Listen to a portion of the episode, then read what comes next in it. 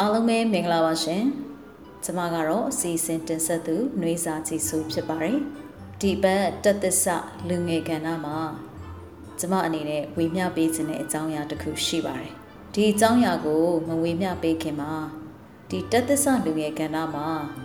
အလဲစာတက်ဆက်မှုတွေစီမံထားပေမဲ့လည်းအကြောင်းကြောင်းကြောင့်ချွတ်ချော်သွားတဲ့အစီအစဉ်တွေရှိတဲ့အခါမှာ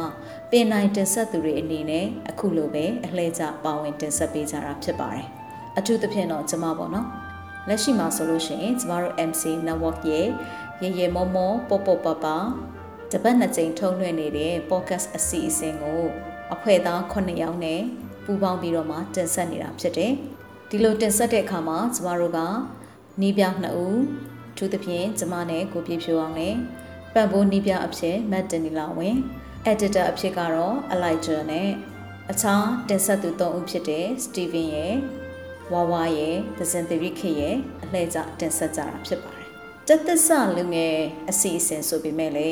ကျမတို့ပြင်ပကနေပြီးတော့မှလူငယ်နဲ့ပတ်သက်တဲ့ခွန်အားပေးစရာတွေလူငယ်နဲ့ပတ်သက်တဲ့အတွေ့အကြုံဝေမျှမှုတွေလူငယ်ဘဝမှာဖြတ်တန်းခဲ့ရတဲ့သင်ခန်းစာတွေကိုပြန်လည်ဝေမျှခြင်းတွေလူငယ်ဘဝရဲ့တက်လန်းတွေကိုပြန်ပြီးတော့မှ လက်တွဲခေါ်ယူခြင်းတွေလုပ်ဖို့အတွက်လေပြင်ပကအသက်35နှစ်နဲ့အထက်မိတ်ဆွေတွေကိုလည်းခေါ်ဖိတ်ပြီးတော့မှကျမတို့တင်ဆက်ပေးခဲ့တာလည်းရှိပါတယ်။နောက်ပြီးတော့ကျမတို့လက်ရှိလုပ်နေတဲ့ program တွေကိုထပ်ပြီးတော့မှအင်အားတိုးချဲ့ဖို့အတွက်ကျမတို့ talent ၃မျိုးကိုဖိတ်ခေါ်ထားပါတယ်။ ပထမ talent ကတော့ voice talent လို့ခေါ်တဲ့အတန်အားဖြင့်အမှုပညာပိုင်းဆိုင်ရာဖန်တီးမှုတွေကိုပြုလုပ်ဖို့စိတ်ပါဝင်စားတဲ့သူတွေကိုဖိတ်ခေါ်ထားတာဖြစ်တယ်။နောက်တစ်ခုအနေနဲ့ကတော့ကျမတို့ writing talent ပေါ့နော်အတန်အားဖြင့်တင်ဆက်ဖို့အခြေအနေမပေးဘူးဆိုလို့ရှိရင်ကျမတို့ကအရေးအသားပိုင်းကနေပြီးတော့မှပူပေါင်းတင်ဆက်ဖို့အတွက်လည်း writing talent တွေကိုဖိတ်ခေါ်ထားပါတယ်။ တတိယတစ်ခုကတော့တီးဖြတ်ပိုင်းဆိုင်ရာလက်စွမ်းပြခြင်းတဲ့လူငယ်တွေအခြေခံတီးဖြတ်နည်းတွေကိုသိရှိထားတဲ့လူငယ်တွေကိုကျမတို့ဖိတ်ခေါ်ထားတာဖြစ်ပါတယ်။အထူးသဖြင့်တော့ကျမတို့ရေရေမောမောပေါပေါပါပါ podcast အစီအစဉ်အပြင်နောက်ပိုင်းမှာဆက်လက်ပြီးတော့မှဖန်တီးမှုအသစ်တွေလုပ်ဖို့အတွက်အတန်ပိုင်းဆိုင်ရာတီးဖြတ်တွေဗီဒီယိုပိုင်းဆိုင်ရာတီးဖြတ်ခြင်းတွေကိုစိတ်ဝင်စားပြီးတော့မှအခြေခံရှိကြတဲ့လူငယ်တွေလက်စွမ်းပြဖို့အတွက်လည်းကျမတို့ကဖိတ်ခေါ်ထားတာဖြစ်ပါတယ် ဒီတော့စိတ်ပါဝင်စားပြီးရှောက်ကြတဲ့လူငယ်တွေလာရောက်ပြီးတော့မှမြင်းမြန်းကြတဲ့လူငယ်တွေကိုလည်းအထူးပဲကျေးဇူးတင်တယ်ပြီးတော့လည်းကျမတို့ဘက်ကနေပြီးတော့မှပထမဦးဆုံးအနေနဲ့စပြီးတော့မှလက်ရာတွေကိုတောင်းခံပါတယ်မိမိကိုယ်တိုင်စ조사ပြီးတော့ဖန်တီးထားတဲ့လက်ရာအ ਨੇ ဆုံးတစ်ခုကိုကျမတို့စီကိုတင်ပို့ပြီးတော့မှရှောက်ထားလို့ရပါတယ်တချို့ကတော့ရက်အကန့်အသတ်ရှိသလားလို့မေးပေမဲ့ကျမတို့ကနှစ်ဆန်းမှာစပြီးတော့ပါဝင်ဖို့အတွက်ဆိုရင်ကျမတို့စီကို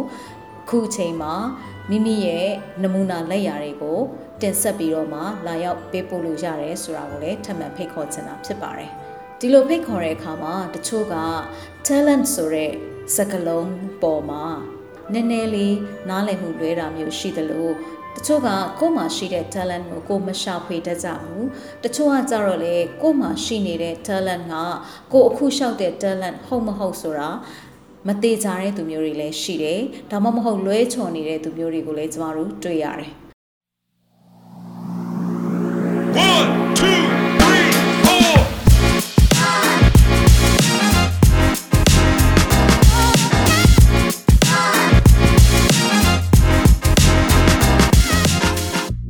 မင်္ဂလာပါရှင်ရေရေမုံမုံပို့ပို့ပပရဲ့အပတ်စဉ်ပုတ်တဟူးနေ့မနက်10:00နာရီတိုင်းတင်ဆက်နေကြဖြစ်တဲ့ စက်သစ္စာလူငယ်ကဏ္ဍကနေကြိုဆိုလိုက်ပါရယ်ဒီ podcast ကတော့မြမလူမှုနယ်ပယ်ကစိတ်အားတက်ကြွပွဲဇလန်းစုံကိုအများသူငါကိုမတန်ဆွမ်းမှုအသိပညာညှင့်တင်ပေးဖို့အတွက်လွတ်လပ်တဲ့တွေးခေါ်ဆင်ခြင်နိုင်မှုတွေနဲ့မျှဝေလိုကြသူတွေရဲ့အသံတွေကိုပြုစုပြောင်းထောင်ဖို့တည်ထောင်ထားခြင်းဖြစ်ပါတယ်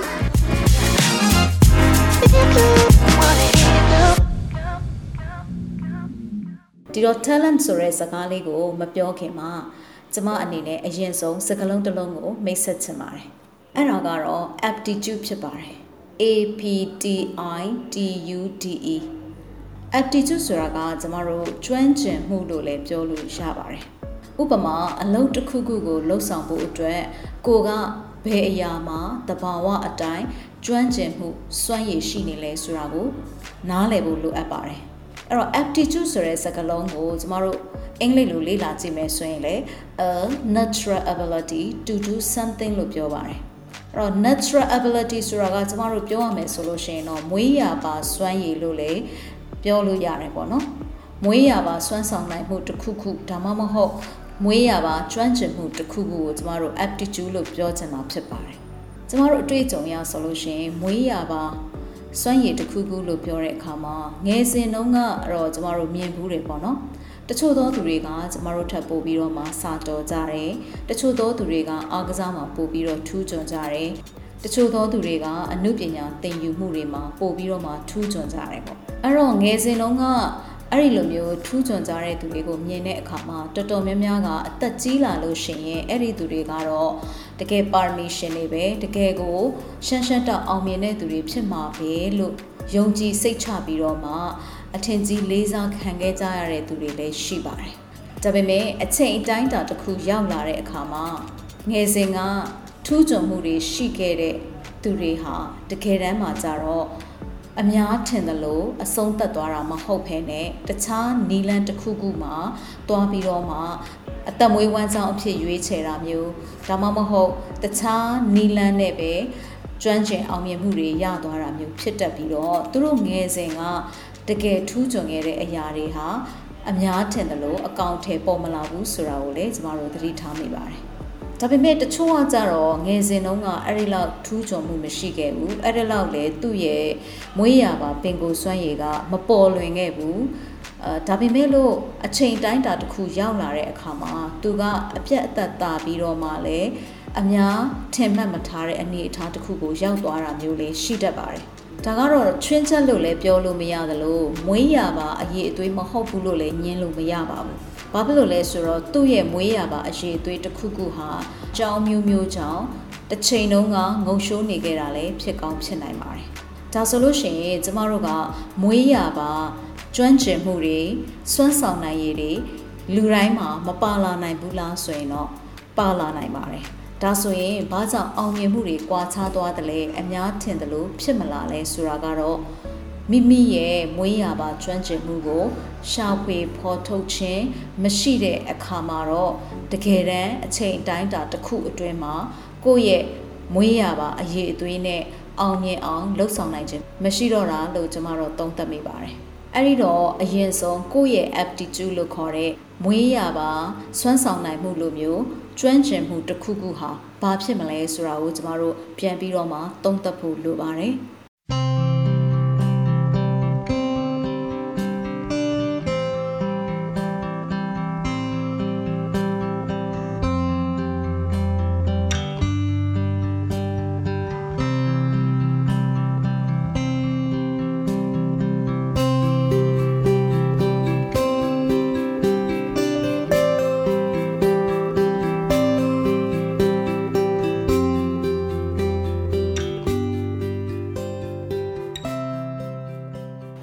နေရာမှာစကလုံးလေးနှလုံးကိုကျွန်မထပ်ပြီးတော့မှပြောပြချင်ပါတယ်အဲ့ဒါကတော့ကိုနှစ်သက်ပြီးတော့မှ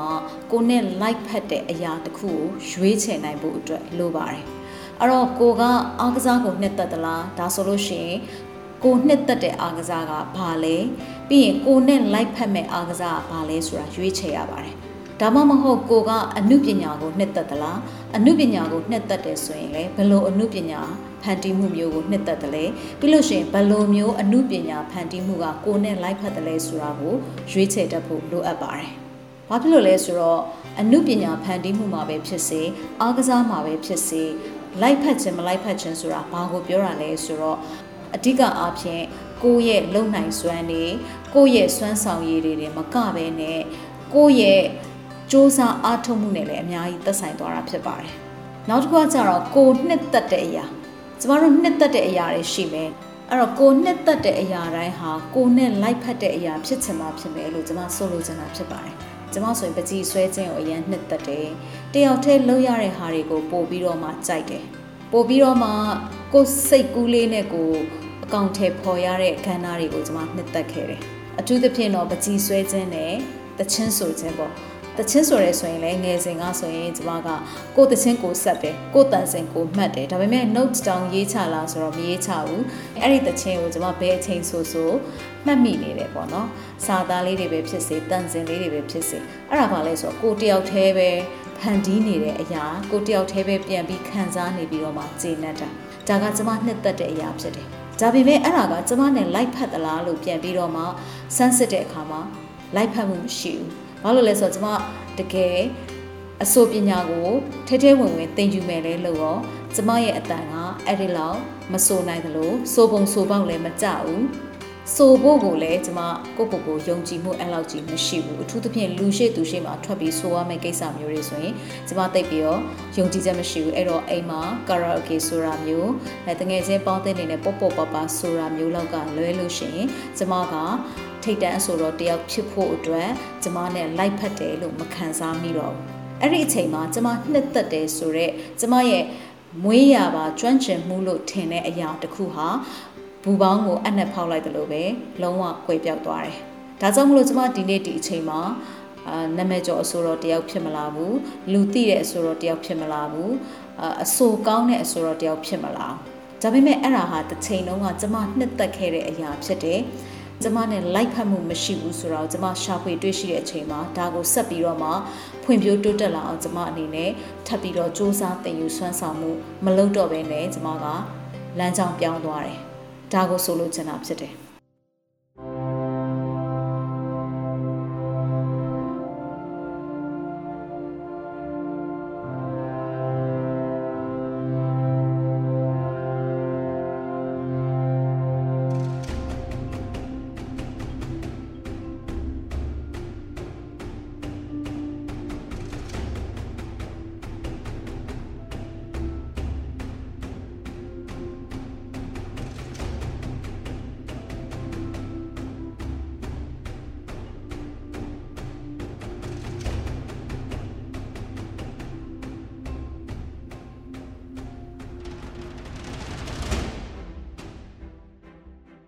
ဒီတော့ကျမတို့ရဲ့ရည်ရွယ်ချက်တစ်ခုအတွက်ကျမတို့ရဲ့ယုံကြည်ချက်တစ်ခုအတွက်ကျမတို့ဖြစ်ချင်တာတစ်ခုအတွက်အလုပ်လုပ်တော့မယ်ဆိုလို့ရှိရင်တော့ကျမတို့ရဲ့ပထမခြေလှမ်းဟာကျမတို့နှစ်သက်တဲ့အရာဟာဘာလဲလိုက်ဖတ်တဲ့အရာဟာဘာလဲဆိုတာကိုကျမတို့ရွေးချယ်နိုင်ဖို့လိုပါတယ်။ဥပမာအားကစားလုပ်မယ်ဆိုရင်လေကျမရဲ့အရက်အမောင်းနဲ့ကျမရဲ့ကိုယ်အလေးချိန်နဲ့ကျမလုပ်နိုင်တဲ့အရာတသက်ရှိပါတယ်။ကျမနှစ်သက်တဲ့အရာကတသက်ရှိပါတယ် ဥပမာကျမအရက်အမောင်းနဲ့ကျမကမော်ဒယ်သွားပြီးတော့ရှောက်လို့မရဘူးဒါပေမဲ့ကျမအရက်အမောင်းနဲ့လှုပ်လို့ရနိုင်တာကျမကိုအလေးချိန်နဲ့လှုပ်လို့ရနိုင်တာဟာကျမနှစ်သက်တဲ့အားကစားဟုတ်ချင်မှဟုတ်ပဲဒါပေမဲ့ကျမနဲ့လိုက်ဖက်တဲ့အားကစားတော့ဖြစ်ကောင်းဖြစ်သွားနိုင်တယ်ဒါဆိုလို့ရှိရင်ကျမအတွက်ကမျောလင့်ချက်ကအားကစားဘက်မှာမရှိတော့ဒီသဘောပါပဲအဲ့တော့ကျမတို့နှစ်သက်တဲ့အရာတိုင်းဟာကျမတို့ ਨੇ like ဖတ်ချင်မှာ like ဖတ်မယ်ဒီတော့ကိုယ့်ရဲ့ talent ဆိုတာကိုကိုသိဖို့အတွက်ကိုယ့်ရဲ့ aptitude ကိုကိုအရင်ဆုံးနားလည်ဖို့ရှာဖွေဖော်ထုတ်တတ်ဖို့လိုပါတယ်အဲ့တော့မတူညီတဲ့ခန္ဓာကိုယ်အချိုးအစားတွေနဲ့မတူညီတဲ့အာကစားနီးပညာအမျိုးမျိုးကိုကျမတို့ကနှိုင်းရှင်ချင့်ချိန်ပြီးတော့မှကိုနှစ်သက်ပြီးကိုနဲ့လိုက်ဖက်တဲ့ဟာကိုရွေးချယ်ရတယ်လို့ပါပဲကျမတို့ဖန်တီးမှုမှာလည်းပဲကိုနှစ်သက်ပြီးတော့ကိုနဲ့လိုက်ဖက်မဲ့အရာကိုရွေးချယ်တတ်ဖို့အလွန်အရေးကြီးပါတယ်။ဒါမှသာလေကျမတို့ကအောင်မြင်မှုကို မှန်မှန်ကန်ကန်နဲ့လွယ်လွယ်ကူကူစ조사ပြီးတော့မှချင်းကပ်နိုင်မှာဖြစ်ပါတယ်။အဲ့ဒီလိုမှမဟုတ်ဘူးဆိုရင်တော့ကျမတို့ဟာကို့မှာရှိနေတဲ့ talent ဆိုတဲ့ level တစ်ခုအထိကို ရှာတွေ့နိုင်ဖို့ခဲရင်မှာဖြစ်ပါတယ်။ဒါဟာပါလဲဆိုရင်ကိုယ့်ရဲ့ aptitude ကိုအရင်ဆုံးနားလည်ပြီးဖော်ထုတ်တတ်ဖို့လိုသလိုကိုနဲ့လိုက်ဖက်ပြီးတော့မှတင့်တော်တဲ့တစုံတစ်ခုကိုလည်းရှာဖွေရွေးချယ်တတ်ဖို့လိုပါတယ်။ အဲ့လိုရှာဖွေရွေးချယ်ဖို့အတွက်ဆိုရင်ဥပမာအားကစားမှာနီးမျိုးစုံအောင်ကိုလိုက်လုပ်ကြည့်လိုက်ဘယ်ဟာကကိုရဲ့လှုပ်ဆောင်နိုင်စွမ်းနဲ့ကိုက်ညီတယ်လဲကိုနဲ့လိုက်ဖက်တယ်လဲကိုလည်းနှစ်သက်တယ်လဲဆိုတာကိုရွေးချယ်နိုင်လာမှာဖြစ်ပါတယ်ဒီလိုပါပဲဖန်တီးမှုမှာဆိုရင်လေကျမတို့ကဖန်တီးမှုအမှုပညာ ပုံစံအမျိုးမျိုးကို လေ့လာပြီးတော့မှဘယ်ဟာကကိုနဲ့ကိုက်ညီတယ်လဲဘယ်ဟာကကိုနဲ့လိုက်ဖက်တဲ့တော်တယ်လဲဘယ်ဟာကတော့ကိုနှစ်သက်တဲ့အရာလဲကိုရဲ့ပင်ကိုကျွမ်းကျင်မှုနဲ့ကိုက်ညီတယ်လဲဆိုတာကိုကျမတို့ပြန်လည်ရွေးထုတ်နိုင်မှာဖြစ်ပါတယ်အဲ့ဒီရွေးထုတ်နိုင်တဲ့အဆင့်ကိုရောက်ပြီဆိုရင်တော့မိတ်ဆွေဟာကိုယ့်ရဲ့ aptitude ဆိုတဲ့မွေးရပါကျွမ်းကျင်မှုကို နားလည်လက်ခံနိုင်သွားပြီးတော့မှမှန်မှန်ကန်ကန်ရွေးချယ်နိုင်ပြီဆိုရင်တော့ မိတ်ဆွေဟာ talent ဆိုတဲ့ level တစ်ခုကိုခြေချမိသွားပြီဖြစ်ပါတယ်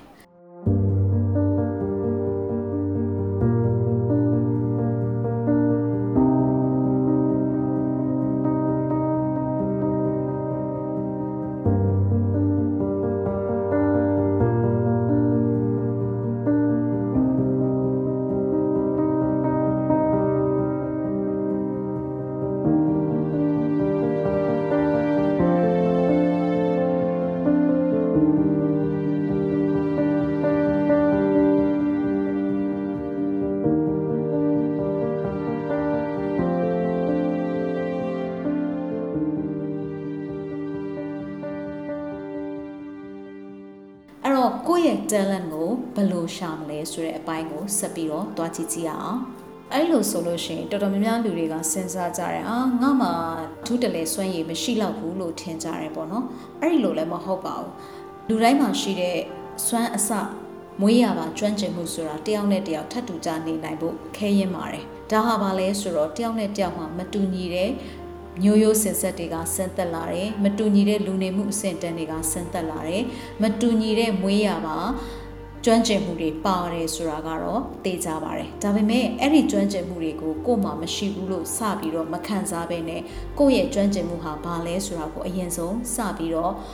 စမ်းစစ်ကြည့်ဖို့လိုအပ်နေရဖြစ်ပါတယ်အဲ့တော့ကိုယ့်ရဲ့ aptitude ဆိုတဲ့ပင်ကိုကျွမ်းကျင်မှုကိုသိလာပြီဆိုလို့ရှိရင်တော့ကိုကဒါကိုပို့ပြီးတော့ကြီးထွားလာဖို့အတွက်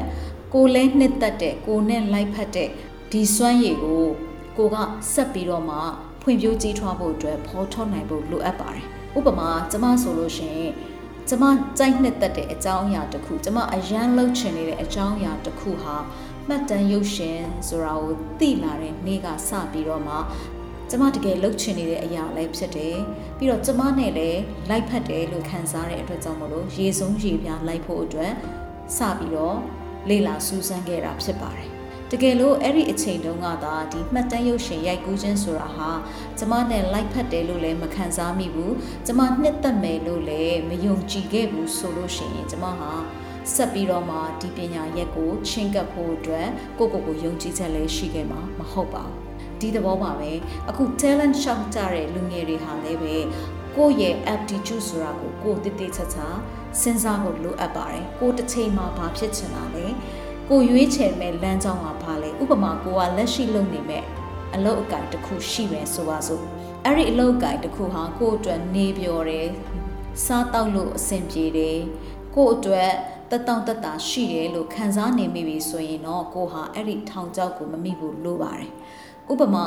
နောင်9နှစ်အထိကိုကဒီပုံစံပဲဆက်သွားခြင်းနေသလားဒါဆိုရင်တော့ ကိုဟာ comfort zone ဆိုရဲတတောင့်တတာဆုံးတစ်ခုမှာပဲကိုဟာနေဖို့ပျော်နေတဲ့သူတစ်ယောက်ဖြစ်မယ်ဒါပေမဲ့နောက်9နှစ်မဟုတ်ပဲနဲ့နောက်ထပ်တစ်သက်လုံးကိုကဒီပုံစံနဲ့ပဲဆက်ပြီးအသက်ရှင်ဖို့အတွက်အဆင်ပြေနိုင်လားဆိုတာထပ်ပြီးတော့ချဲ့ပြီးစဉ်းစားကြည့်မယ်ဆိုရင်အဲ့ဒီမှာစိန်ခေါ်မှုပေါင်းမြောက်များစွာရှိလာပါတယ်အဲ့ဒါဘာလဲဆိုတော့ကိုဘွားရဲ့တိုးတက်ရာတိုးတက်ကြောင်းအတွက်အသိပညာဗဟုသုတလုပ်ငန်းကျွမ်းကျင်မှုအဲ့ဒီကနေပြီးတော့မှ အာလူသိများတယ်တနည်းအားဖြင့်ကိုကိုနေရာတစ်ခုရောက်ဖို့အတွက်အထောက်ပံ့ကောင်းဖြစ်နိုင်မဲ့အလုပ်ဟုတ်ရဲ့လားဆိုတာကိုက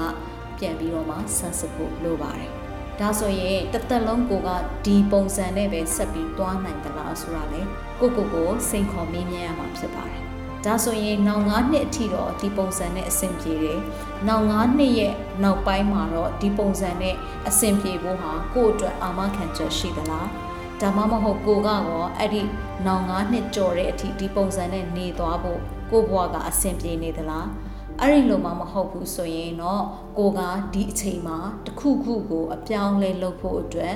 ကိုယ့်ရဲ့ aptitude ကိုသိထားတဲ့အနေနဲ့ကိုယ့်ရဲ့ကျွမ်းကျင်မှုကိုကိုပြန်ပြီးတော့မှရှာဖွေဖော်ထုတ်အသုံးချဖို့အတွက်ကိုကိုကိုဂျုံကန်စ조사ဖို့စိန်ခေါ်ရမှာဖြစ်ပါတယ်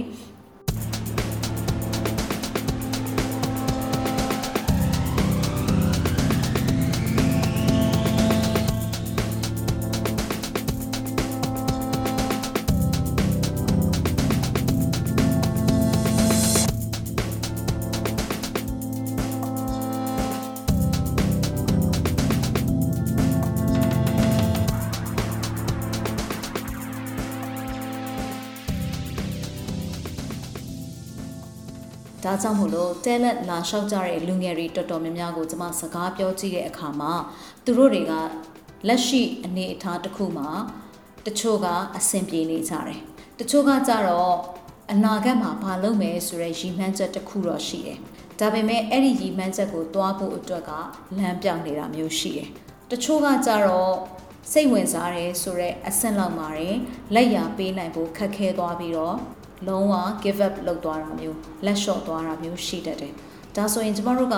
ဘယ်လိုပုံစံမျိုးကျမတို့ရဲ့အရေးအသွေးတွေကိုပေါ်ထုတ်ပြီးတော့မှဆန်းစစ်မလဲဆိုတာကိုဆက်ပြီးတော့မှစဉ်းစားကြည့်မယ်ဆိုရင်အခုလို social media ခေတ်မှာဆိုလို့ရှိရင်ကျမတို့တွေကလေးစားအားကြရတဲ့သူတွေမြောင်များစွာရှိတယ်ကျမတို့ရဲ့ idol လို့ပြောရမယ်ကျမတို့ရဲ့ဟို pioneer လို့ပြောရမယ် ကျမတို့လှုပ်ချင်တဲ့လမ်းကြောင်းတစ်ခုမှာအားကြနေကြရတဲ့သူတွေရှိတယ်ကျမတို့ဖြစ်ချင်တဲ့ပုံစံမျိုးမှာအောင်မြင်နေကြတဲ့သူတွေရှိတယ်အဲ့ဒီလူတွေကိုကြည့်ပြီးတခါလေးမှာကိုကိုကိုပြန်စိတ်သက်ကြတတ်တယ် အဲ့ဒါဘာလဲဆိုတော့ကျမတို့အာအဲ့ဒီလိုပုံစံမျိုးမဖြစ်နိုင်ဘူးလို့ကိုကိုကိုထင်ကြတယ်ဒါမှမဟုတ်အဲ့ဒီလိုပုံစံမျိုးဖြစ်အောင်အတင်းလှုပ်ယူပြီးတော့ကျမတို့စူးစမ်းကြတယ်အဲ့ဒီနီလန်းနှစ်ခုစလုံးဟာအစွန်းရောက်တယ်လို့ပြောလို့ရတယ်တကယ်တမ်းကျမတို့သွားမယ်နီလန်းကကျမတို့ဟာဘယ်သူလဲကျမတို့မှာဘယ်လိုမျိုးကိုပိုင်ကျွမ်းကျင်မှုတွေရှိတယ်လဲအာသာချက်တွေရှိတယ်လဲအဲ့ဒါတွေကိုကျမတို့ဘယ်လိုပုံစံမျိုးဖော်ထုတ်ပြီးတော့မှသူများနဲ့မတူညီတဲ့ပုံစံမျိုးနဲ့ဘယ်လိုထိုးဖောက်မလဲဆိုတာကိုသိဖို့ပဲလိုအပ်တယ်လို့တကယ်တမ်းလက်တွေ့လုပ်ဖို့ပဲလိုအပ်ပါတယ်အဲ့တော့သူများကိုရှင်ပြီးတော့မှကျမတို့ကလိုက်ပြီးတော့ပြုပြင်ပြောင်းလဲမှုတွေလုပ်တာမျိုးနဲ့သူများကိုကြည့်ပြီးတော့မှစိတ်တက်ကြပြီးတော့မှမလုံနိုင်ဘူးလို့ထင်သွားတာမျိုးထက်စရင်ကျမတို့ကကိုကိုကိုပြန်ဖော်ထုတ်ပြီးတော့မှအကောင်းဆုံးဘယ်လိုပုံစံမျိုးဆက်ပြီးတော့ကိုကိုကိုဖွံ့ဖြိုးတိုးတက်အောင်ကိုနဲ့လိုက်ဖက်တဲ့ကိုလေးနှစ်သက်တဲ့အလုပ်တွေလုပ်လို့ရအောင်စ조사မလဲဆိုတာကိုကိုကိုကိုအာမနာနဲ့ပြန်ဆန်းစစ်ဖို့လိုပြီးဖြစ်ပါတယ် တကယ်တမ်းကျတော့ဘသူမှမွေးရပါအရေးချင်းတစ်ခုနဲ့ရက်တည်လို့မရပါဘူးအဲ့ဒီအရေးချင်းကိုထပ်ပြီးတော့မြင့်တင်ဖို့အတွက်သက်ဆိုင်ရာကျွမ်းကျင်မှုတွေနီးပညာတွေလေ့လာအားထုတ်မှုတွေပြီးလို့ရှိရင်အတွေ့အကြုံတွေကိုကျမတို့ကအချိန်နဲ့ပေးဆက်ပြီးတော့မှဝယ်ယူရတာဖြစ်ပါတယ်အဲ့တော့အရင်ဆုံးစပြီးတော့ကျမတို့ဘယ်လိုပုံစံမျိုးကိုယ့်ရဲ့ talent ကိုသိနိုင်မလဲဆိုရင်ကျမတို့ငယ်စဉ်ကဘယ်လိုမျိုးအချိန်ကုန်ခဲ့တာများတယ်လဲပေါ့နော် ဒါကိုပြန်ပြီးတော့မှကျမတို့ဆန်းစစ်လို့ရတယ်အဲ့တော့ကျမတို့လူမှန်းသိတဲ့ခါစားအရွယ်တွေကနေပြီးတော့မှဒီကလေးဘဝမှာဆိုရင်တော်တော်များများဟာကျမတို့ကစာနဲ့ပဲအချိန်ကုန်ကြရတယ်ဒါပေမဲ့ plus ကျောင်းစာအပြင်ဘယ်အရာတွေမှာကျမတို့ပို့ပြီးတော့ပျော်မွေ့တတ်တယ်လဲဆိုတာကအရင်အရေးကြီးတဲ့အချက်ဖြစ်တယ်ကျမဆိုလို့ရှိရင်တူတီတော်သမီးလေးဖြစ်တယ် မောင်လေးကလည်းအသက်၈နှစ်ခွဲလောက်မှမွေးလာတဲ့အတွက်ကျမရဲ့ငယ်ဘဝတော်တော်များများကတယောက်တည်းပဲဖြတ်တန်းခဲ့ရတယ်။စာအုပ်တွေကိုပဲဖတ်ခဲ့ရတယ်။အိမ်ကအမေနဲ့အတော်ရဲ့လေ့ကျင့်ပြိုးထောင်မှုရဲ့အတော်ကျောင်းဆရာမရဲ့သင်ကြားပြသမှုရဲ့ဒါနဲ့ပဲကျမကြီးပြင်းခဲ့ရတဲ့အတွက်ကျမဘဝကအများစုဟာစာကိုပဲအချိန်ပေးခဲ့ရတာဖြစ်တယ်။ပတ်ဝန်းကျင်နဲ့လေ့လာဆက်သွယ်မှုအားနည်းခဲ့ပြီးတော့မှကျမရဲ့ပျော်မွေ့ရာတော်တော်များများစာပေဘက်မှာဖြစ်တယ်။ တော့များသောအားဖြင့်လည်းတယောက်တည်းပဲဆော့လို့ပြီးတဲ့အရာမျိုးတွေပေါ့နော်။ဘာလဲဆိုလို့ရှိရင်ကစားစရာလေးတွေနဲ့ဆော့တာမျိုး၊အိုးဖုံးနဲ့ဆော့ခဲ့တာမျိုး၊ဟမ်းမိတ်လေးတွေလုပ်တယ်။နောက်ပြီးလို့ရှိရင်ကျွန်မကာတွန်းလေးတွေရေးတက်လာတဲ့အခါကျတော့ကာတွန်းစာအုပ်အငှားဆိုင်လေးကိုဟာကိုဖွင့်တယ်။အဲ့ဒါဘာလဲဆိုတော့ကျွန်မမှာ stapler မရှိဘူးအဲ့တော့ထမင်းလုံးလေးနဲ့ကပ်ပြီးတော့မှကာတွန်းလေးတွေကျွန်မဆွဲတယ်ကိုဟာကိုပဲ dialogue လေးတွေထည့်တယ်ကိုဟာကိုပဲ story လေးတွေလုပ်တယ်ခဲသားလေးနဲ့ဆွဲပြီးတော့မှ ဖျောင်းလေးတွေရောင်စုံခဲတံလေးတွေနဲ့ကျွန်မစိတ်ချပြီးတော့မှအဲ black and white cartoon နဲ့ color cartoon ဆိုပြီးတော့နှစ်မျိုးနှစ်စားနဲ့ခွဲပြီးတော့မှ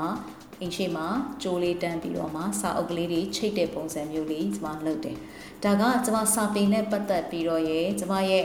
အဲဖန်တီးပြီးတော့မှလုံနိုင်တဲ့အနေအထားတွေနဲ့ပျော်ဝင်ခဲ့တဲ့အပိုင်းပေါ့နော်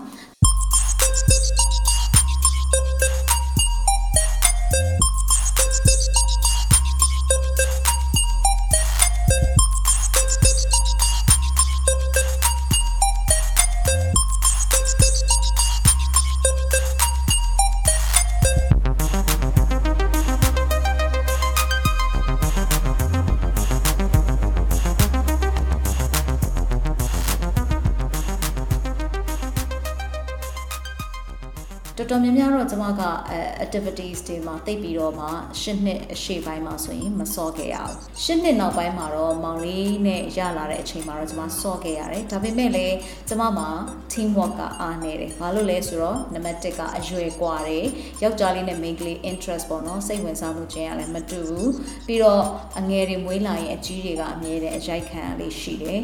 အကြီးတွေကအလိုလိုမျက်နှာငယ်ရတယ်ပေါ့နော် အမြဲတမ်းအငယ်ကိုပဲဦးစားပေးရတယ်အဲ့တော့ကျွန်မမှာ team work ကတိတ်ပြီးတော့အားမကောင်းခဲ့ဘူး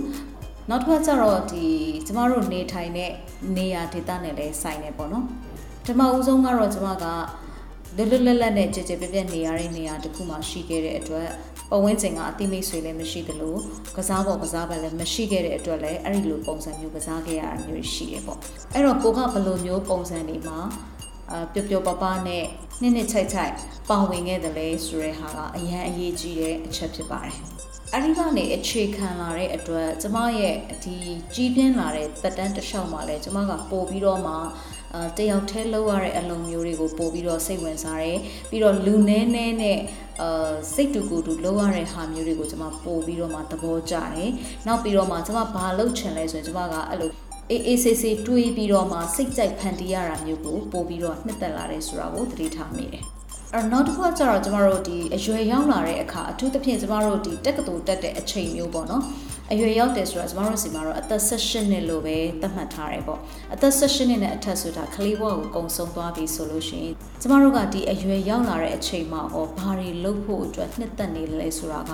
ပို့ပြီးတော့မှကျမတို့ရဲ့ရှေ့ရေးဖွံ့ဖြိုးဖို့အတွက်အလားအလာအများကြီးအထောက်ပံ့ဖြစ်တဲ့အချိန်ဖြစ်တယ်တက္ကသိုလ်အချိန်ကိုရောက်ပြန်တော့လေကျမတို့မှာက အာစာပြီးစာပုံစံမျိုးပဲဖြစ်နေတယ်။ဘာလို့လဲဆိုတော့ကျမတို့အဝေးသင်ပဲယူယူဘွဲ့လွန်ပဲတက်တက်ကျမတို့ကစာတွေနဲ့ပဲလုံပန်းရတယ်။နောက်တစ်ခုကကျတော့အဲ့ဒီအချိန်မှာကျမတို့မှာကအနုပညာဖန်တီးမှုတွေကိုချင်းကပ်နိုင်ဖို့အတွက်အခွင့်အလမ်းမသာခဲ့ဘူး။ဒါကြောင့်မလို့ကျမမှာရှိနေတဲ့အနုပညာအရေးအသွေးဟာအဲ့ဒီအချိန်မှာလုံးဝငုံရှိုးသွားတဲ့ကာလဖြစ်တယ်။နောက်တစ်ခုကကျတော့ကျမတို့အဲ့အသက်အရွယ်ဟာဝင်ငွေရှာဖို့အတွက်လုံပန်းရတဲ့ ကာလဖြစ်လာတယ်။ဘာဖြစ်လို့လဲဆိုတော့ကျမတို့ကကိုယ်ပိုင်ចောင်းစရိတ်နဲ့ကိုယ်တိုင်ရှာပြီးတော့တက်ခဲ့ရတဲ့သူတွေဖြစ်တဲ့အတွက်ကြောင့်မလို့ဝင်ငွေရှာခြင်းဟာကျမဘဝရဲ့အချိန်ဖြုံးတဲ့တစိမ့်တစ်ပိုင်းသောကဏ္ဍဖြစ်လာတယ်။ဒါကြောင့်မလို့ကိုယ့်ရဲ့တိုးတက်ရာတိုးတက်ကြောင်းစာကိုလေ့လာနေရင်းနဲ့ပဲတစ်ဖက်တစ်လမ်းကကိုကပြန်ပြီးတော့မှစာနဲ့ပဲပြန်ပြီးဝင်ငွေရှာတဲ့ study guide လိုအလုပ်မျိုးတွေလုပ်လာဖြစ်တယ်။ ဒီလိုဆိုတဲ့အခါကျတော့စာနဲ့ပတ်စံနဲ့ပဲကျမဘဝဟာ focus လုပ်တဲ့အရွယ်ဖြစ်ခဲ့တဲ့အတွက်ကျမရဲ့အမှုပညာနဲ့ပတ်သက်တဲ့စွမ်းဆောင်ရည်တနည်းအားဖြင့်ပင်ကိုပါလာတဲ့ကျွမ်းကျင်မှုဟာငုံရှိုးသွားတဲ့ကာလဖြစ်တယ်။ဒါကြောင့်မလို့တချို့ကငငယ်တုန်းကအနေအထားမှာတခုခုဖြစ်နိုင်တယ်ဆိုပြီးတော့ဝိုင်းမျောလင်းကြပေမဲ့လည်းတစ်ချိန်ချိန်မှာ မဖြစ်လာတဲ့ဟာမျိုးတွေရှိတယ်ဆိုတာဒီသဘောတရားပဲဘာလို့လဲဆိုတော့ကျမတို့ဘဝဖြတ်တန်းမှုအနေအထားပေါ်မူတည်ပြီးတော့မှကျမတို့ရဲ့ငုံရှိုးသွားတဲ့အခန်းကဏ္ဍတွေအများကြီးရှိတယ်။ဒီအချိန်မှာကျမတို့ကမသိခဲ့ရင်တော့မှအခုသိပြီဆိုရင်ပြန်ပြီးတော့မှကိုယ့်ရဲ့ငုံရှိုးနေတဲ့အကြောင်းအရာကိုယ့်ရဲ့ငုံရှိုးနေတဲ့ကျွမ်းကျင်မှုကိုပြန်ပြီးတော့ဖော်ထုတ်ဖို့အတွက်အချိန်မနှောင်းသေးဘူးဆိုတာကိုကျွန်မကခွန်အားပေးချင်တာဖြစ်ပါတယ်။ဒါပေမဲ့အသက်35နှစ်လို့သတ်မှတ်ထားတဲ့လူငယ် deadline တစ်ခုကိုကျွန်မ ကြော်ဖြတ်ခံပြီးတစ်နှစ်လောက်အတွင်းမှာမှကျမကတကယ်ပဲကိုယ့်ရဲ့ talent ကိုရှာပြီးတွေ့ရှိသွားခဲ့တာဖြစ်တယ်။ကိုလည်းကြိုက်နှစ်သက်တယ်။ကိုနဲ့လည်း like ဖတ်တယ်လို့ခံစားရတဲ့ film making နဲ့ပတ်သက်တဲ့ပညာရက်ကိုကျမလက်စုပ်လက်ကင်ရယူနိုင်တဲ့အချိန်မှာကျမအသက်33နှစ်ကျော်သွားပြီဖြစ်တယ်။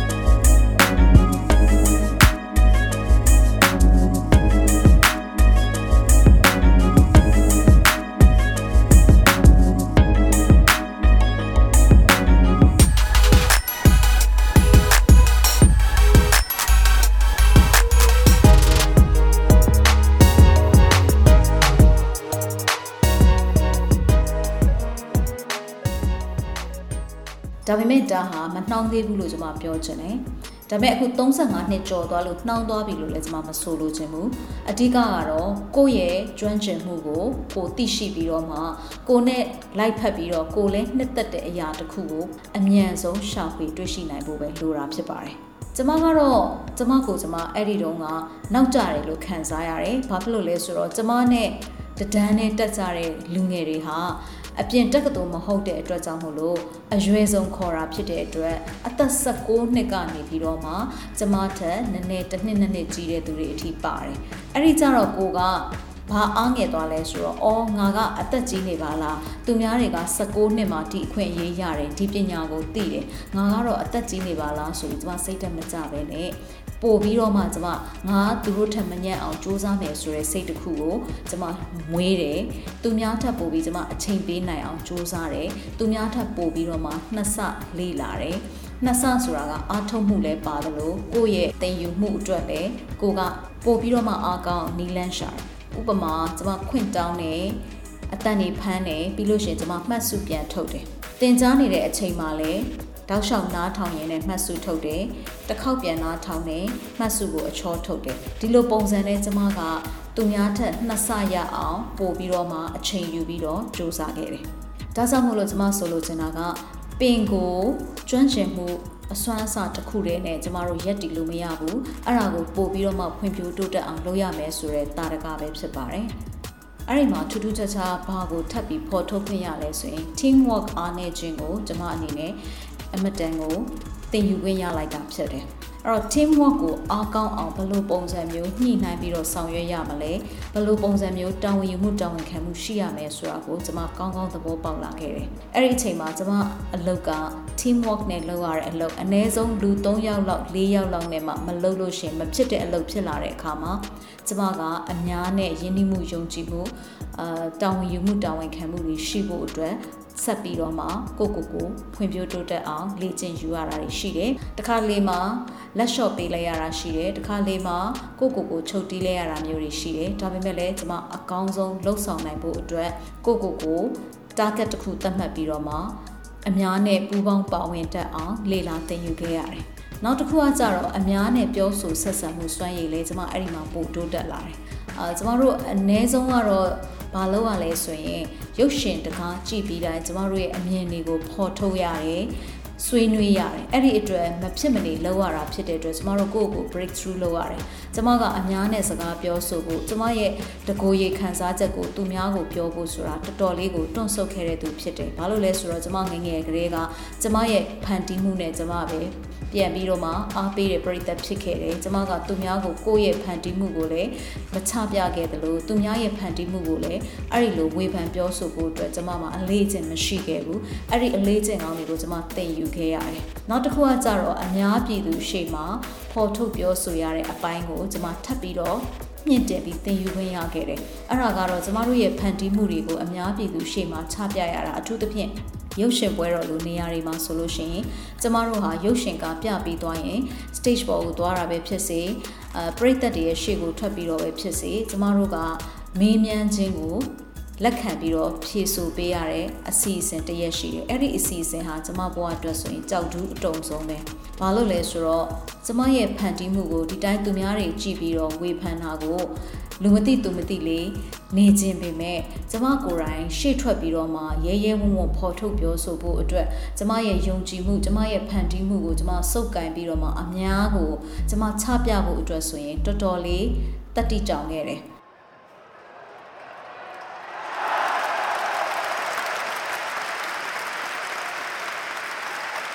Supernatural party animals. We are supernatural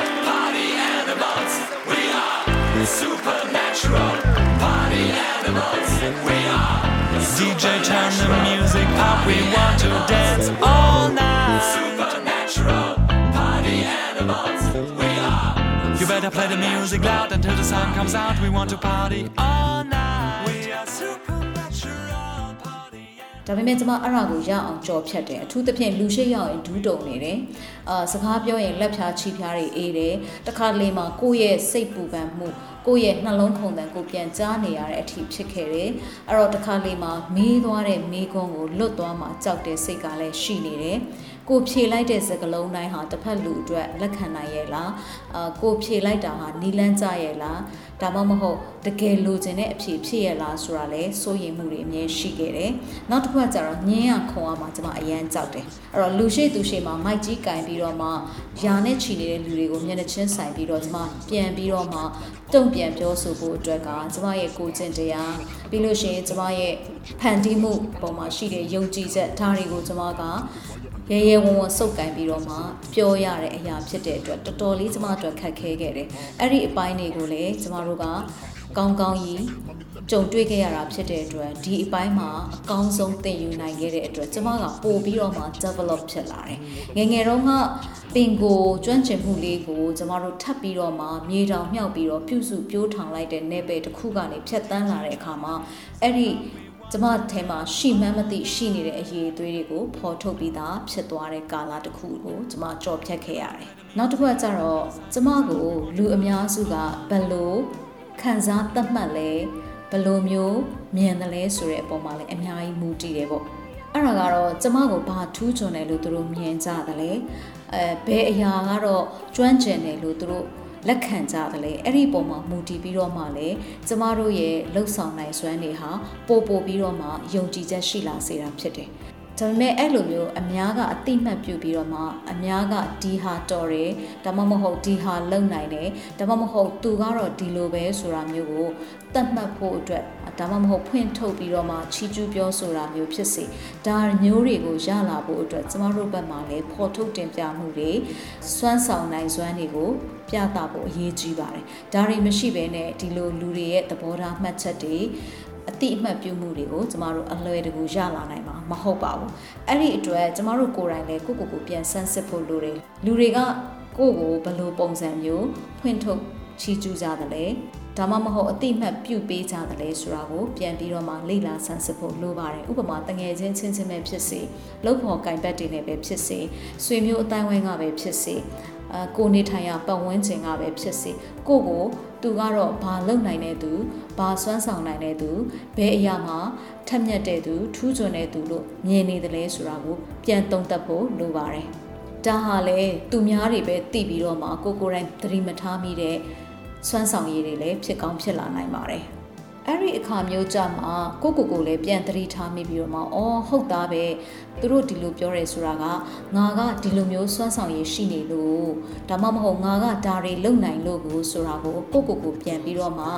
သတိတရားနဲ့အကဲခတ်မိတာမျိုးရှိပါတယ်ဒါမျိုးဆိုလို့ရှိရင်အဲ့ဒီအရာကိုသူတို့လည်းအတိမတ်ပြုတယ်ဆိုလို့ရှိရင်အဲ့အရာကလည်းကို့မှာရှိနေတယ်ဆိုတာထင်ထင်ရှားရှားသိနေပြီဆိုရင်တော့ကိုကဒါကိုဆက်ပြီးတော့မှ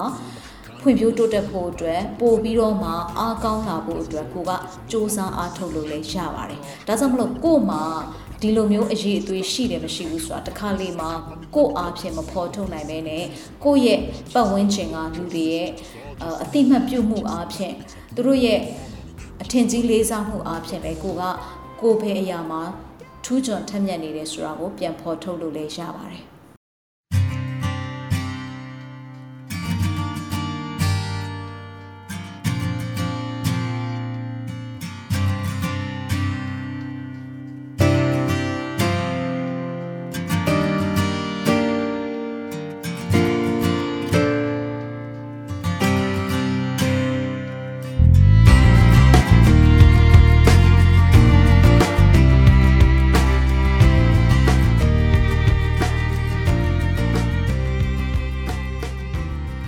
ပေမဲ့ဒါကအဲ့ဒီအစစ်မှာပဲကိုကပီတီဖြစ်ပြီးရက်သွားရမှာမဟုတ်ဘဲနဲ့ကိုတိလိုက်တဲ့အစွမ်းစာတစ်ခုကိုကိုကအဆဆွဲထုတ်ပြီးတော့မှပို့ပြီး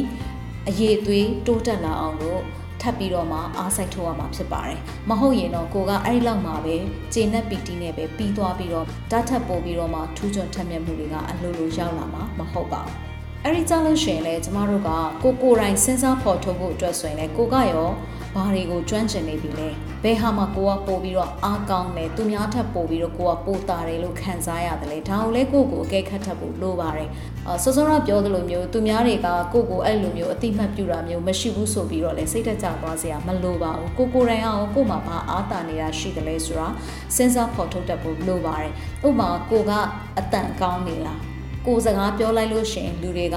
နဝင်ချိုသွားသလားဒါမှမဟုတ်ကိုရေးသားလိုက်တဲ့ဟာတစ်ခုကိုလူတွေကသဘောကျနှစ်ချိုက်ပြီးတော့မှအားပေးကြသလားဒါမှမဟုတ်ကိုရဲ့လက်ရာတစ်ခုခုကိုလူတွေက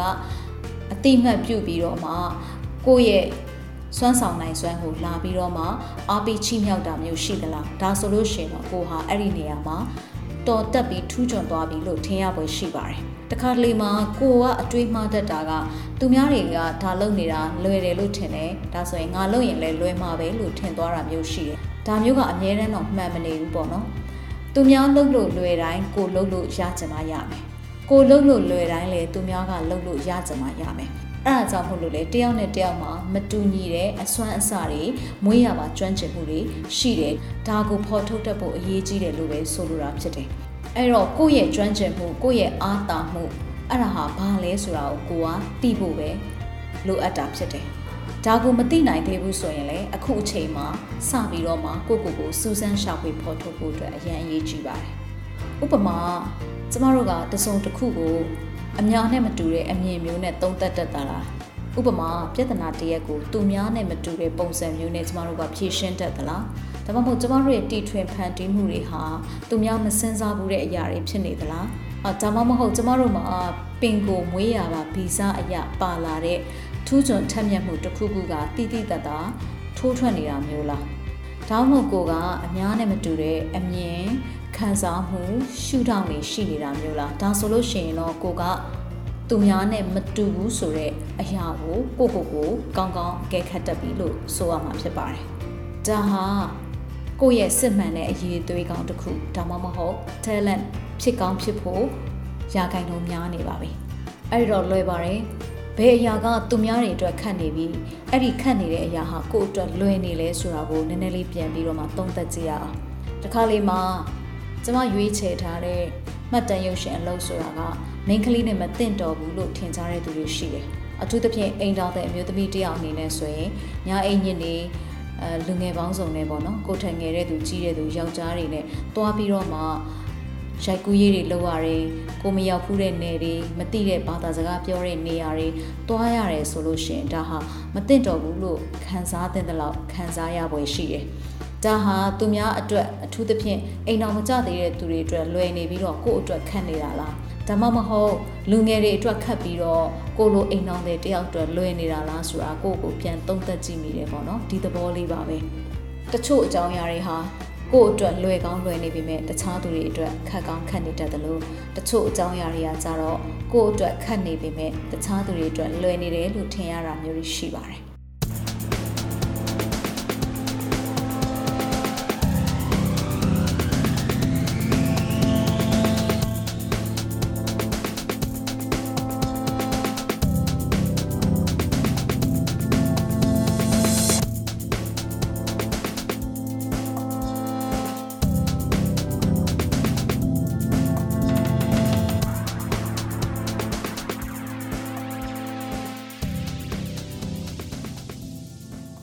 ဥပမာအောင်မြင်မှုပေါ့အောင်မြင်မှုဆိုတာကိုတချို့ကကြတော့ငွေကြေးနဲ့သတ်မှတ်တယ်အထူးသဖြင့်လစာဒါမှမဟုတ်ဝင်ငွေပေါ့နော်အဲ့ဒါတွေနဲ့သတ်မှတ်ပြီးတော့မှသူတို့သတ်မှတ်ထားတဲ့ level ထက်ပိုပြီးရသွားပြီဆိုရင်ဒါဟာသူတို့က financial success လို့ပြောတယ်ငွေကြေးအောင်မြင်မှုရပြီလို့သူတို့ခံစားကြတယ်ဒါပေမဲ့အောင်မြင်မှုဆိုတာက တောက်တိုင်လို့ပဲပေါ့နော်ကျမတို့ကငွေကြေးအောင်မြင်မှုတစ်ခုတည်းနဲ့အောင်မြင်တယ်လို့ဆုံးဖြတ်လို့မရဘူးအဲ့တော့ဘာနဲ့သွားရလဲဆိုလို့ရှိရင်ကျမတို့ရဲ့ profile ပေါ့ profile လို့ခေါ်တဲ့ကျမတို့ရဲ့အများသူငါသိတဲ့ကိုယ့်ရဲ့တကိုယ်ရည်ရက်တည်မှုပေါ့နော်ဒါဟာအရန်ရေးကြည့်တယ်ကိုယ့်ကိုဘယ်လိုပုံစံမျိုးအများကမြင်ကြတယ်လဲအဲ့ဒီပုံမှာမူတည်ပြီးဘယ်လိုပုံစံမျိုးလူတွေကအတိမတ်ပြုတယ်လဲဆိုတဲ့ပုံမှာမူတည်ပြီးတော့မှကိုယ့်ရဲ့ အောင်မြင်မှုဟာလည်းအတိုင်းအတာတစ်ခုအထိသွားတယ်။နောက်တစ်ခုကကြတော့ကိုယ့်ရဲ့အောင်မြင်မှုဆိုတာကကိုယ်တယောက်တည်းအောင်မြင်မှုအတွက်ပဲမဟုတ်ဘဲနဲ့အများအတွက်ကိုဘယ်လောက်အောင်မြင်အောင်လုပ်နိုင်လဲပေါ့နော်။အများအတွက်လို့ဆိုတဲ့နေရာမှာငွေကြေးအကျိုးအမြတ်ရလို့အများနဲ့အလုပ်လုပ်တာမျိုးဆိုလိုတာမဟုတ်ဘဲနဲ့အများအတွက်လုပ်နိုင်တဲ့အရာတွေကိုကိုကဘလောက်တိုင်းတာအထိ ပူပေါင်းပါဝင်တယ်လေဥဆောင်ခဲ့တယ်လေဆိုတဲ့ဟာပေါ်မှာအများကြီးမှုတည်တယ်အထူးသဖြင့်ကိုယ့်အတွက်အကျိုးအမြတ်မရပေမဲ့အများအတွက်အကျိုးရှိတဲ့အရာမျိုးကိုကိုဘလောက်အချိန်ပေးပြီးလုပ်နိုင်လဲဆိုတဲ့ပုံမှာလည်းအများကြီးမှုတည်တယ်ဒါကြောင့်မလို့အောင်မြင်မှုဆိုတာကတောက်တိုင်နေနဲ့တူတယ်ဘယ်တော့မှငွေကြေးတစ်ခုတည်းနဲ့တောက်တိုင်တစ်ခုတည်းနဲ့ကျမတို့ကအောင်မြင်မှုဆိုတဲ့အရာကြီးကိုရက်တည်နေလို့မရဘူး တခြားသော balance ဖြစ်စေရဗတ်ညီမျှစေတဲ့တောက်တိုင်တွေကိုလည်းကျမတို့ကပိုင်ဆိုင်နေရမှာဖြစ်ပါတယ်နောက်တစ်ခါကျတော့ကျမတို့ရဲ့အချိန်တွေကိုဘယ်လိုပုံစံမျိုးတစိတ်ကပ်ပြီးတော့ကုံဆုံးစေတယ်လေပေါ့နော်ဒါကလည်းအရင်အရေးကြီးတဲ့ကိစ္စဖြစ်ပါတယ်ဥပမာကျမတို့မှာ24နာရီပိုင်ဆိုင်နေတာချင်းအတူတူကျမတို့ရဲ့အချိန်အများစုဒါမှမဟုတ်အချိန်တချို့တစ်ဝက်ကိုကျမတို့ကဘယ်အရာပေါ်မှာတွားပြီးတော့မှအထင်ကြီးကြံရစ်အောင်သုံးဆွဲနေတယ်လေဆိုတဲ့ပုံမှာမူတည်တယ်ပေါ့ ဒါကကျမတို့ game ဆော့တာမျိုးတို့ရုပ်ရှင်ကြည့်တာမျိုးတို့တကိုးရအချိန်ဖြုံးတဲ့ခန္ဓာတွေကိုဆိုလိုချင်တာမဟုတ်ခဲနဲ့စောစောရပြောရဲအများအတွက်ဘလောက်တိုင်းတာထိကိုယ့်ရဲ့တကိုးရအကျိုးမြတ်အတွက်မဟုတ်ဖ ೇನೆ အများအတွက်အကျိုးရှိတဲ့အရာတစ်ခုကိုဘလောက်တိုင်းတာထိကိုကထဲထဲဝင်ဝင်နဲ့ကိုယ့်ရဲ့အချိန်တစ်စိတ်တစ်ပိုင်းပဲဖြစ်စေအာတော်တော်များများကိုပဲဖြစ်စေဒီဟာတွေအတွက်ဆိုပြီးတစိမ့်ကတ်ထားပြီးတော့မှကိုကဖယ်ချန်ထားပြီးတော့မှ စနစ်တကျအသုံးချနေတယ်လဲဆိုတဲ့ပုံမှာလဲမူတည်ပါတယ်ဆိုလိုချင်တာကတော့ကိုတယောက်တည်းတန်ဖိုးရှိအောင်ကိုတယောက်တည်းအာဖွံ့ဖြိုးတိုးတက်အောင်လှုပ်ဆောင်နေတာလိုမျိုးပဲတခြားသောသူတွေရဲ့ဘဝမှာတန်ဖိုးတွေတက်လာအောင်သူတို့ရဲ့အရေးအသွေးတွေတိုးတက်လာအောင်ကျမတို့ကဘလောက်တိုင်းတာအထိကျမတို့ရဲ့အချိန်တွေကိုရင်းနှီးမြှုပ်နှံတယ်လဲဆိုတဲ့ပုံမှာလဲတွားပြီးတော့မှမူတည်တာဖြစ်ပါတယ် အဲ့ဒါကတော့ကျမတို့ကတခြားသူတွေကိုဘလောက်တိုင်းတာထိကူညီနိုင်တယ်လဲဘလောက်တိုင်းတာထိသူတို့ရဲ့ရင်ဆိုင်ကြုံတွေ့နေရတဲ့အခက်အခဲတွေကိုဖြေရှင်းပေးနိုင်တယ်လဲဆိုတဲ့ပုံမှာမူတည်ပြီးတော့မှကျမတို့ကဒီအခန်းကဏ္ဍကိုစဉ်းစားသုံးသပ်တာဖြစ်တယ်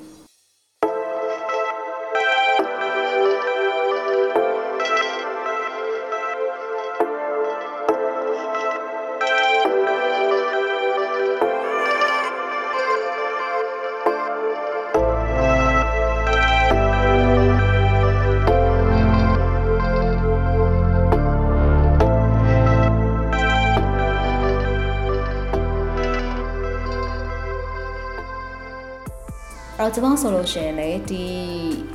ကျမတက်ကျွမ်းတဲ့မှတ်တမ်းရုပ်ရှင်ပညာအပြင် plus ပေါ့နော်တခြားသောလေ့လာသင်ကြားထားတဲ့အယုတ်တန်ပိုင်းဆိုင်ရာကျွမ်းကျင်မှုတွေဤပညာတွေကိုပြန်ပြီးတော့မှတခြားသူတွေရဲ့ဖန်တီးမှုပိုင်းဆိုင်ရာအရေးသွေးတွေတိုးတက်လာအောင်ဖန်တီးမှုပညာနဲ့အလှမ်းဝေးတဲ့သူတွေကဖန်တီးမှုပညာတွေကိုလက်ဝယ်ရရှိအောင်ဘလောက်အတိုင်းတာထိသူတို့ကိုအချိန်ပေးပြီးတော့မှလှုပ်ပေးလေဆိုတဲ့အရာပေါ်ကိုကျွန်မပြန်ပြီးတော့မှခံစားမိတာဖြစ်တယ်။ ဘာလို့လဲဆိုတော့အဲ့ဒီထဲမှာပဲကျွန်မရဲ့ talent လို့ပြောတဲ့ကျွန်မလှုပ်ဆောင်နိုင်တဲ့အစွမ်းစားတွေအရေးအသွေးတွေကသူများတွေကိုဒီလိုပုံစံမျိုးအချိန်ပေးပြီးတော့မှလှုပ်ပေးခြင်းအပြင်ကျမရဲ့အစွမ်းစားတွေဟာပိုပြီးတိုးတက်လာတယ်လို့လည်းကျမခံစားသလိုကျမရဲ့ profile လို့ခေါ်တဲ့အများသိတဲ့နယ်ပယ်ခန္ဓာတရက်မှာလည်းဒီအရာကပြန်ပြီးတော့မှအကျိုးရှိစေတာဖြစ်ပါတယ် အဲ့တော့ကျမတို့ရဲ့ talent တွေကိုပြန်ပြီးတော့မှစဉ်းစားသုံးသပ်ဖို့အတွက်အရေးကြီးဆုံးမိကွန်းတစ်ခုရှိပါတယ်အဲ့ဒါကတော့ကျမတို့တွေမှာရှိတဲ့အစွမ်းအစတွေနဲ့ဘယ်သူတွေကိုကျမတို့ကအဓိကအကူအညီပေးချင်တာလဲဆိုတော့မိကွန်းပါပဲဒီအခန်းကဏ္ဍကကျမတို့ MC network မှာပါဝင်ဖို့အတွက်အရင်အရေးကြီးတဲ့မိကွန်းတစ်ချက်လည်းဖြစ်ပါတယ်။အဲ့ဒါဘာလဲဆိုတော့တော်တော်များများက personal interest လို့ခေါ်တဲ့ကိုကိုကို ဖွံ့ဖြိုးတိုးတက်ဖို့အတွက်ကိုယ့်ရဲ့စွမ်းဆောင်ရည်တွေကိုပို့ပြီးတော့မှလှုပ်ဆောင်နိုင်ဖို့အတွက်ယုံကြည်ချက်တစ်ခုနဲ့ပဲ MC network ကိုလာခဲ့ကြတယ်။ဒါဟာမိတ်ဆွေတို့အတွက်တော့90ရာခိုင်နှုန်းပဲအားသာချက်ရှိပါတယ်။ကျမတို့အတွက်ကတော့ကိုကိုကိုထက်ပို့ပြီးတော့မှမတန်ဆွမ်းအပိုက်ဝန်းအတွက်ဘလောက်အတိုင်းတာထိကိုကကူညီပေးခြင်းတယ်လေကိုယ့်ရဲ့အစွမ်းအစတွေကိုယ့်ရဲ့ပင်ကိုကျွမ်းကျင်မှုတွေကိုလာရောက်ပေါင်းဆက်ပြီးတော့မှဒီမတန်ဆွမ်းအတိုင်ပေါ်မှာလိုအပ်နေတဲ့ ဖန်တီးမှုကဏ္ဍတရက်ကိုဘလို့ပုံစံမျိုးပူပေါင်းအကောင့်ထဲပေါ်ခြင်းတလဲဆိုတဲ့စိတ်ဆန္ဒပြင်းပြမှုကိုကျမတို့ကပို့ပြီးတော့မှအလေးထားတာဖြစ်ပါတယ်။ဒါကြောင့်မလို့တော်တော်များများကရေရှည်သွားဖို့အတွက်ဆိုရင်လေကိုယ့်ရဲ့တကိုယ်ရေးဖွံ့ဖြိုးတိုးတက်ဖို့အတွက်ပဲစဉ်းစားကြတဲ့သူတွေကရေရှည်မှာမလိုက်လာနိုင်ဘဲနဲ့အကြောင်းမျိုးမျိုးကြောင့်ရည်ရွယ်ချက်တွေပြောင်းလဲသွားပြီးတော့မှလက်လျှော့သွားကြတယ်ခွဲခေါ်သွားကြတဲ့သူတွေရှိတယ် ဒါပေမဲ့ရေရှည်အတွက်တက်လုံကောင်းကောင်းနဲ့ဆက်ပြီးတော့ခြိတက်နေကြတဲ့သူတွေအများစုကတော့မတန်ဆွမ်းတိုက်ဝန်းအတွက်လိုအပ်နေတဲ့ဖန်တီးမှုကဏ္ဍတွေမှာအားဖြည့်မယ်ဆိုတဲ့ရည်ရွယ်ချက်ခိုင်မာကြတဲ့သူတွေကိုမြင်ရတာဖြစ်ပါတယ်။ကျမတို့အားလုံးရဲ့စိတ်တူကိုယ်တူခံစားချက်တစ်ခုကတော့ကျမတို့ရဲ့အစွမ်းအစတွေကိုအသုံးပြုပြီးတော့မှ ဘဘယ်လိုလူမျိုးတွေကိုကျမတို့ပြန်ပြီးတော့မှကူညီခြင်းတလဲဆိုတဲ့ပုံမှာမူတည်ပြီးတော့လေကိုယ့်ရဲ့အစွမ်းအစာကိုယ့်ရဲ့ပင်ကိုကျွမ်းကျင်မှုတွေကိုပို့ပြီးတော့မှဖွံ့ဖြိုးတိုးတက်ဖို့အတွက်လေ့လာသင်ယူဖို့လက်မတွန့်တန်လှုပ်ဆောင်နိုင်ကြတဲ့သူတွေဖြစ်လာကြလို့ပါပဲ။။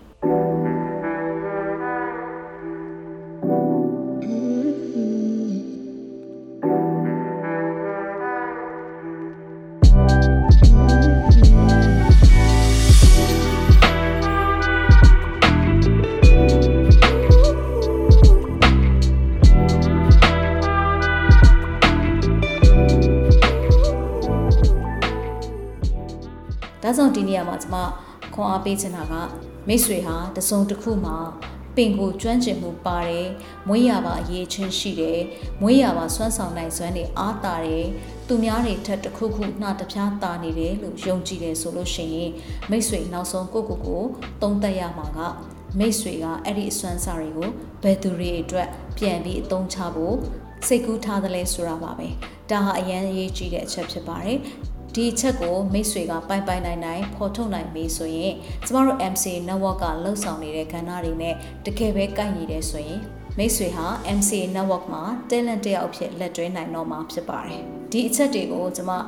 ရှင်းပြနေခြင်းဟာမိတ်ဆွေရဲ့ရည်ရွယ်ချက်ကိုပြန်လည်ပြီးတော့မှစမ်းစစ်ဖို့အတွက်ဖြစ်ပါတယ်မိတ်ဆွေက talent တကယ်ရှိတယ်လို့ကိုယ့်ကိုယ်ကိုယုံကြည်ချက်ရှိတယ်ဆိုရင်နောက်ဆုံး ဘယ်သူတွေအတွက်ဒီ talent တွေကိုပြန်ပြီးအသုံးချခြင်းတလဲဆိုတဲ့ပုံမှာမူတည်ပြီးတော့မှမိတ်ဆွေရဲ့ရည်ရွယ်ချက်တွေခိုင်မာလာပြီးတော့မိတ်ဆွေရဲ့တကိုယ်ရေးဖွံ့ဖြိုးတိုးတက်ခြင်းနဲ့တကွစွမ်းဆောင်နိုင်စွမ်းတွေကိုမြင့်တင်ဖို့အတွက်နီလန်းတွေရှာတွေ့လာနိုင်မယ်လို့ကျွန်မယုံကြည်မျှော်လင့်ပါတယ် ဒီကနေ့အစီအစဉ်ကတော့ဒီလောက်ပါပဲရှင် talent ကိုစိတ်ဝင်စားတဲ့သူတွေ talent အဖြစ်ရှောက်ထားကြတဲ့သူတွေအနေနဲ့လည်းကျွန်မဒီ post မှာပဲ link လေးတွေချပေးထားပါတယ်မိတ်ဆွေတို့အနေနဲ့ဒီနှစ်မကုန်ခင်မှာရှောက်ထားပြီးတော့မှ2023ခုနှစ်မှာ MCA network ရဲ့ရေရေမောမောပေါပေါပပ program မှာပူပေါင်းဖန်တီးဖို့မိတ်ဆွေဟာလင်းနိုင်တဲ့လောက်အစွမ်းပြခြင်းနဲ့ကြယ်လေးတစ်ခွင့်ဖြစ်ခြင်းနဲ့ဆိုရင်တော့ကျမတို့ MCA network ကို လာရောက်ပြီးတော့မှလက်တွဲဖို့အတွက်ကျမတို့ကလိုက်လဲစွာနဲ့ဖိတ်ခေါ်အပ်ပါတယ်ရှင်။အားလုံးကိုအထူးပဲကျေးဇူးတင်ပါတယ်။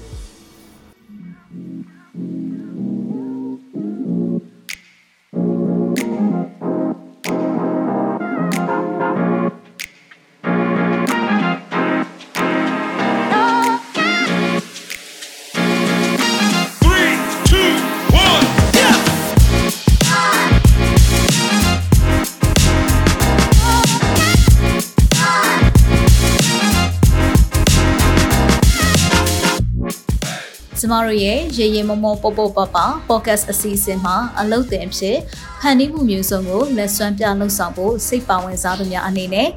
Google Form ကနေပြီးတော့မှမိမိတို့ရဲ့မှတ်ပုံတင်ရှင်းနှောင်းနဲ့အလှတက်ပုံတစ်ပုံအပြင်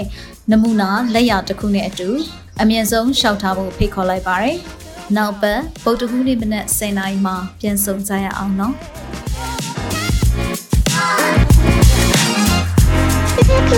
Wanna hear you go